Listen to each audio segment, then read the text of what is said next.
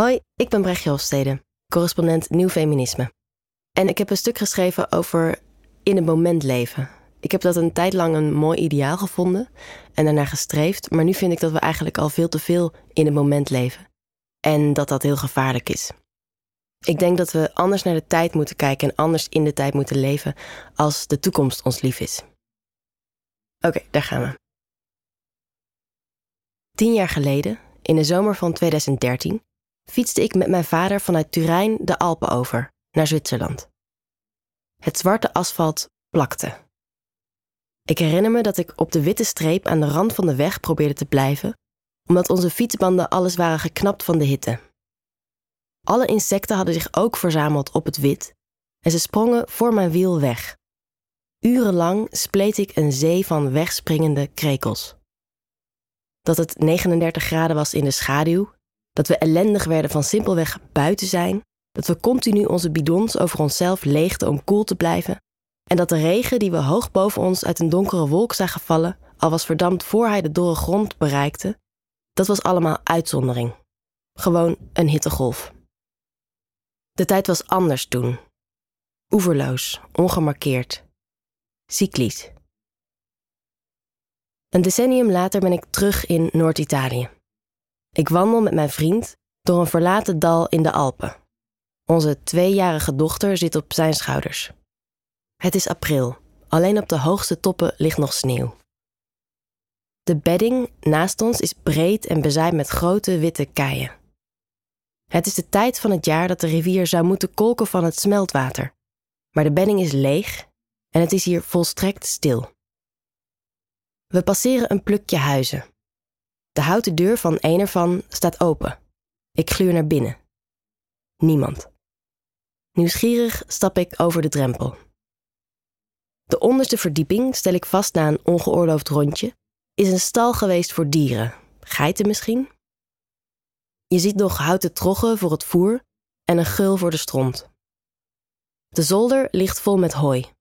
En daartussenin geklemd op de eerste verdieping is een enkele kamer met een open haard.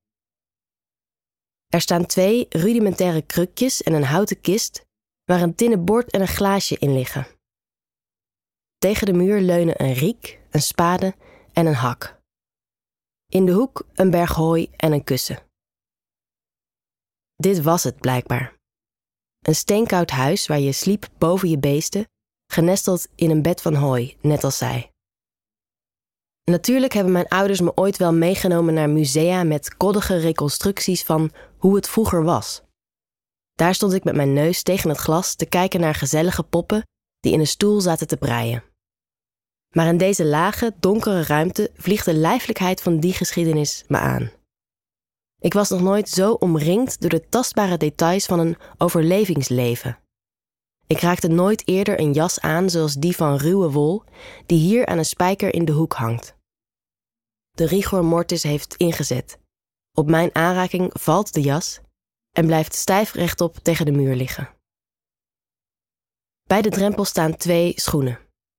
Hun ruwe houten zool is met roestige spijkers vastgenageld aan het leren bovenwerk dat grijs is uitgeslagen. Mijn dochter staat er naar te kijken en tikt met de neus van haar oranje sneaker het grauwe schoentje aan. Hoe lang geleden zou de laatste bewoner hier zijn weggegaan? Niet eens zo lang, denk ik, als ik kijk naar het kippenhok dat iemand tegen de buitenmuur heeft opgetrokken van fabrieksgaas en rode bakstenen met vierkante holtes. Snelbaksteen, een goedkoop massaproduct. Je kunt het nu nog bij de bouwmarkt krijgen. In het kippenhok staat een plastic bak waar ooit het voer in zat. Misschien woonde hier nog iemand toen ik werd geboren. We wandelen terug langs de lege rivierbedding. Een uur later rijden we al door de Po-vlakte, op weg naar het volgende hotel. Langs de weg liggen afgedankte wasmachines, een matras, een berg vuilniszakken. Reclameborden tonen een smetteloos witte sofa, airco-installaties en buitenzwembaden per tutti. Daarachter strekken de dorre velden zich uit.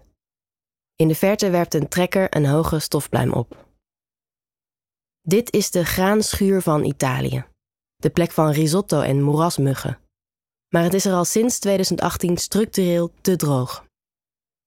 Ik kan me niet voorstellen dat ze hier iets verbouwen, zegt mijn vriend. Ik denk aan het roestige gereedschap en de houten schoenen. En de tijd vliegt me aan. Voor het eerst zie ik binnen een paar uur hoe het was, hoe het is en hoe het wordt. De rivier is leeg, maar in de berm klotst de stortvloed aan spullen die binnen enkele generaties op gang is gekomen en die ook ons in wilde door dit landschap stuwt. Waarheen? Ik leef in een tijdperk met, vlak aanpalend, andere tijden. Nu pas zie ik ze. Voor de komst van mijn dochter had ik jarenlang de illusie van permanentie. Ik was volwassen geworden. Volwassen bleef ik nu. Mijn lichaam leek tussen mijn achttiende en mijn dertigste niet noemenswaardig te zijn veranderd, hoogstens iets taniger geworden. Ik werkte en kon dat jaar na jaar blijven doen. Er was ontwikkeling, tenminste, daar streefde ik naar, maar geen verandering. Niets ging voorbij. Ik kon een beslissing maken en erop terugkomen, wegverhuizen en toch weer neerstrijken in Amsterdam. De draad oppakken met de geliefde waar ik maanden terug mee had gebroken. En toen kwamen er twee streepjes op de zwangerschapstest. Start- en finishlijn. De eindeloosheid eindigde, de tijd begon te lopen. Ik telde de dagen en weken, ik zwol ziender ogen en elke fase was duidelijker, onherroepelijk. Eerst leek het ouderschap eentonig. Mijn dochter kon niks, deed niks en ik verveelde me. Pas na een tijdje merkte ik, ze knalt door de tijd. In de paar uur dat we allebei sliepen, groeide zij een centimeter. Wat de ene dag paste, was de volgende te klein. Sneller dan ik doorhad, leerde ze grijpen, kon ze plotseling zitten. Haar gezicht verzamelde vlug alle nuances van emotie. Steeds als ik dacht dat ik het project Baby nu wel onder de knie had, was ze alweer nieuw. En omdat ik haar vasthield en in haar dampkring leefde, werd ook ik op lichtsnelheid door mijn leven gesleept.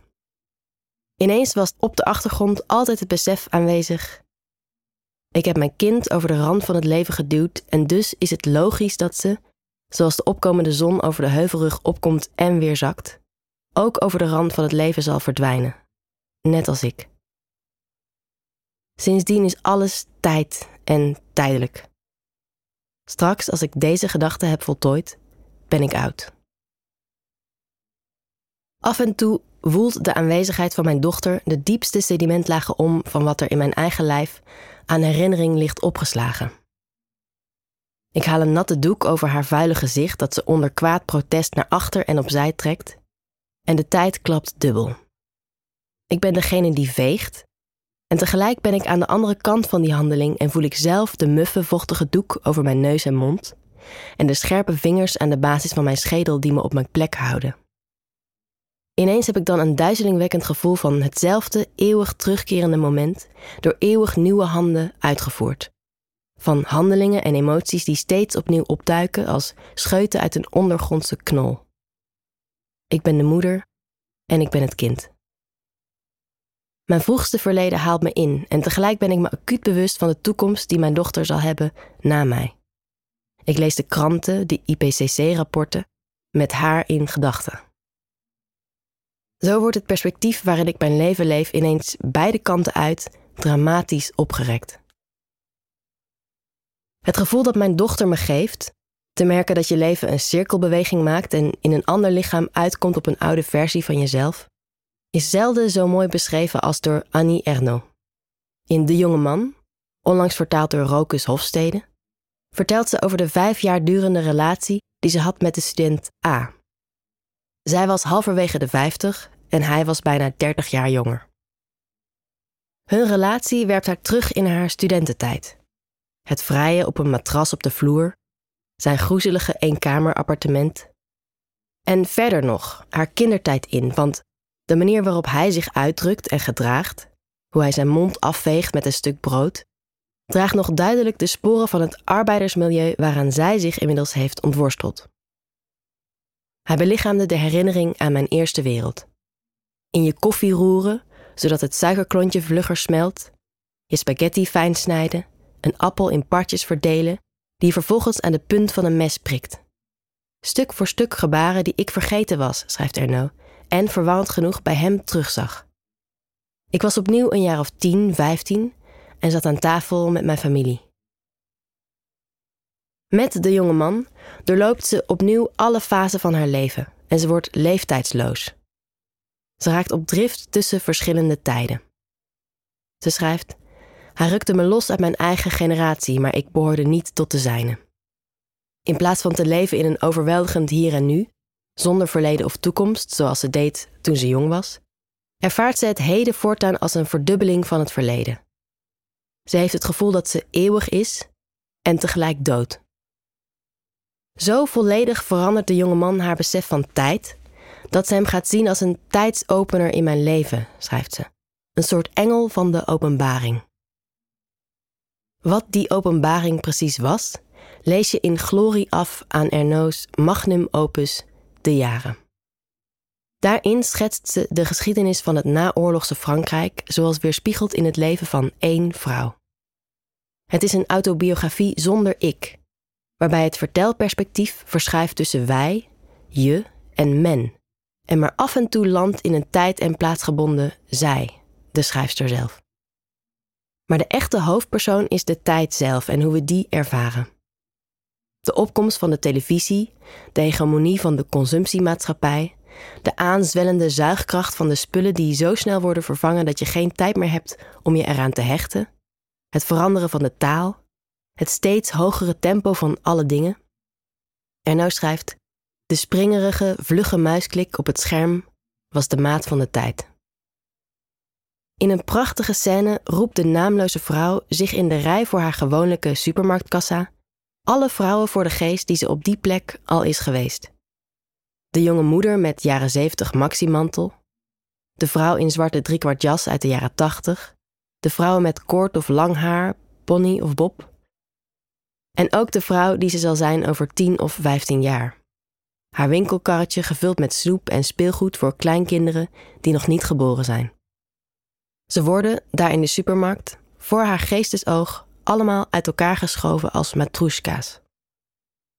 Dat matroeska-gevoel, het gevoel tegelijk alle genates aan te nemen van de personen die je bent geweest en nog zult zijn, is waar de jaren steeds naar reikt. Wie die roman leest, heeft het gevoel ook toe te treden tot een palimpsest-tijd, een amalgaam van overlappende periodes en momenten ineens beleefd. Op die manier wil Ernaud, zo eindigt haar boek, iets redden van de tijd waar we nooit meer zullen zijn. En de tijd waarin we onherroepelijk terecht zullen komen? Onze door de klimaatcrisis aangetaste toekomst? Soms, vooral als ik door het landschap loop waarin ik de afgelopen jaren heb gewoond, de Bourgondische heuvels, denk ik er al een glimp van te kunnen zien, ingekapseld in het nu. Al duizenden malen liep ik dezelfde ronde met mijn hond, behalve dat die ronde verandert. Ik heb veel van de heuvels kaal gekapt zien worden. Er was een scoliet in de bomen gekropen, legden de bosbouwers me uit. Normaal kan een boom die beestjes wel naar buiten werken met hars, zoals een bouwvakker boorgaten stopt. Maar nu was het te lang te droog geweest en stond het hele bos te sterven. De bast bladderde al af, dus hup de zaag erin. De wijnboer vertelt me dat zijn wijn elk jaar een hoger percentage alcohol bevat door de stijgende hitte. Nog even en dit is geen wijnland meer. In augustus oogt het als herfst. Het loof sterft van de hitte af. Steeds kaler wordt het uitzicht. Steeds dichterbij komt het landschap van de toekomst aan de oppervlakte te liggen. Regelmatig, als ik door de groene heuvels rijd, denk ik aan de dieprood gevlekte kaarten van de wetenschappers. Die voorspellen hoe het hier zal zijn over 20, 30, 50 jaar, als we zo doorgaan. In het groen verstopt ligt een omgekeerde oase. In het groen ligt een woestijn. Het lijkt op de palimpsest-tijd van Ernaud, maar dan de andere kant op. Toekomst, niet verleden, valt het heden binnen. Wij mensen zijn niet gewend om de hele spannen van verleden en toekomst mee te dragen in het nu. Te beangstigend, te overweldigend. En toch moeten we juist dat leren. Dit stelt Robert Grudin in Time and the Art of Living, een boek uit 1982 dat allang niet meer gedrukt wordt, maar op fora een cultleven leidt. We lezen de tijd verkeerd, vindt Grudin. We weten niet goed hoe we om moeten gaan met deze belangrijke dimensie waarin ons leven zich afspeelt. Zo gaan we er van nature te gemakkelijk van uit dat dingen die in feite voortdurende zorg vereisen, zoals liefde, permanent gegeven zijn. Terwijl we de status quo, die van voorbijgaande aard is, beschouwen als onontkoombaar noodlot. Wie zo denkt, zit klem in het moment. Wie zo denkt, is onvrij en niet in staat om bij te sturen. Wie uitgaat van een momentopname, zegt Grudin, benadert de werkelijkheid van het leven gebrekkig. Net zoals een stilstaande afbeelding van een man die fietst, fietsen niet echt weer kan geven. Projecteer dat beeld terug de realiteit in en de man zal van zijn fiets vallen. Wie niet over de grenzen van het huidige ogenblik heen kan kijken, verliest onherroepelijk de balans. Kortom, vergeten we de duur van de dingen en blijven we opgesloten in het hier en nu, dan maken we brokken. We zullen pas goed kunnen omgaan met de tijd, zegt Grudin, wanneer we elk moment dat we doormaken leren te beschouwen als zowel deel van de verre toekomst, zoals het ooit was, als deel van het verre verleden, zoals het ooit zal zijn. Grudin gebruikt afmeting als metafoor om ons anders naar de tijd te doen kijken. Dingen kunnen groot of klein zijn in de tijd, zegt hij. Een wolk bijvoorbeeld is groot in de ruimte, maar klein in de tijd, want hij verwaait en is alweer weg. Een kei is juist klein in de ruimte, maar gigantisch in de tijd. Mensen hebben een keuze in hoe groot of hoe klein ze zich als temporele wezens opstellen. Ieder van ons heeft volgens Grudin een groot zelf, dat de boog van al je decennia overspant. Dit is het zelf dat aan het woord komt in de jaren. Daarnaast is er het kleine zelf, dat van minuut tot minuut door het leven ploetert.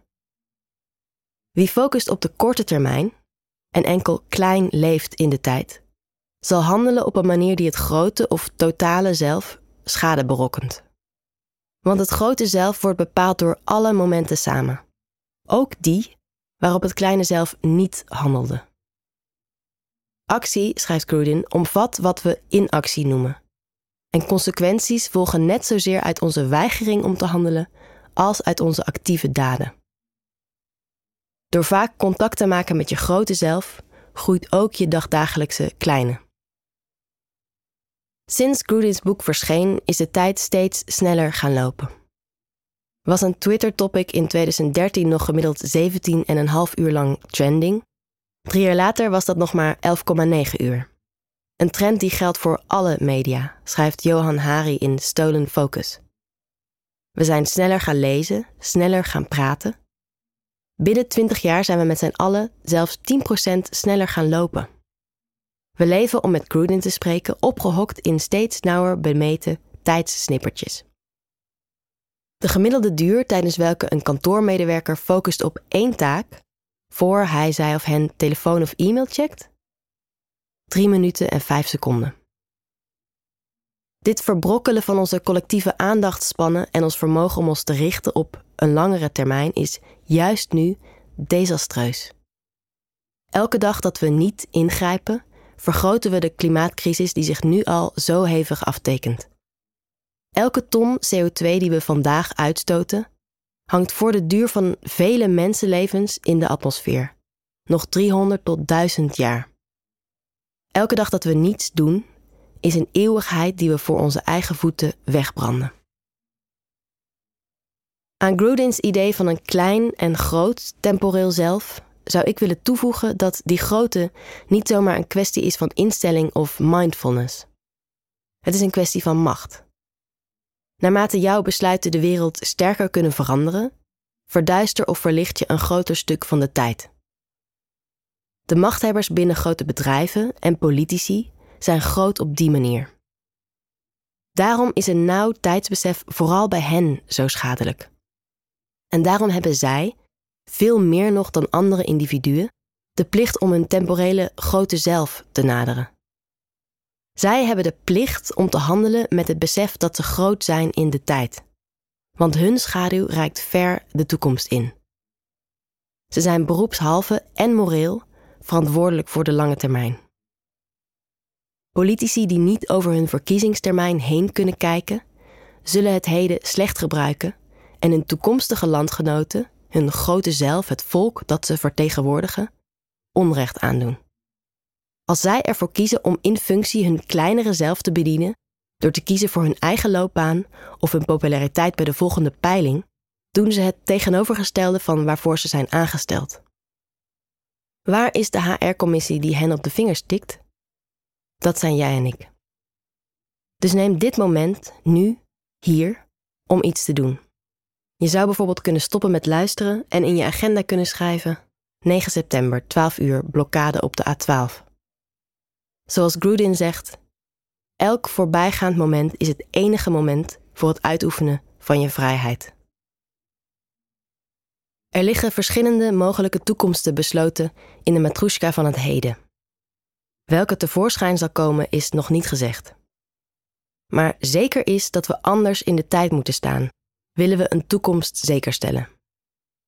Zoals Erno in de jaren de tijd redt die al verstreken is, via het oprekken en omvattend maken van het heden, zo kunnen wij veel redden van de tijd die ons wacht. Ditmaal door niet enkel het verleden, maar vooral alle toekomst mee te betrekken in het hier en nu. Er staat veel op het spel. Alles, zou ik zeggen. Als we een statisch beeld van de werkelijkheid de toekomst in blijven projecteren, als we doen alsof we op deze voet verder kunnen gaan zonder consequenties, alsof er niets aan de hand is, dan vallen we. Het is de missie van de correspondent om voorbij de waan van de dag te gaan. Onze correspondenten voorzien het nieuws van context en schrijven over de grote thema's van deze tijd. De correspondent geeft me de vrijheid om mijn nieuwsgierigheid te volgen en de tijd om verhalen te schrijven. En zo probeer ik onzichtbare structuren zichtbaar te maken en een andere kijk te bieden op debatten die het nieuws domineren. Dan gaat het minder over het spelletje en veel meer over wat er op het spel staat. Vanaf dag 1 zijn onze artikelen, boeken en podcasts gefinancierd door onze leden. Volg ons op onze journalistieke zoektocht. Overweeg eens lid te worden van de correspondent. En maak daarmee samen met ruim 70.000 anderen onze onafhankelijke journalistiek mogelijk. Dus word lid van de correspondent. Ja. Word lid. Word lid.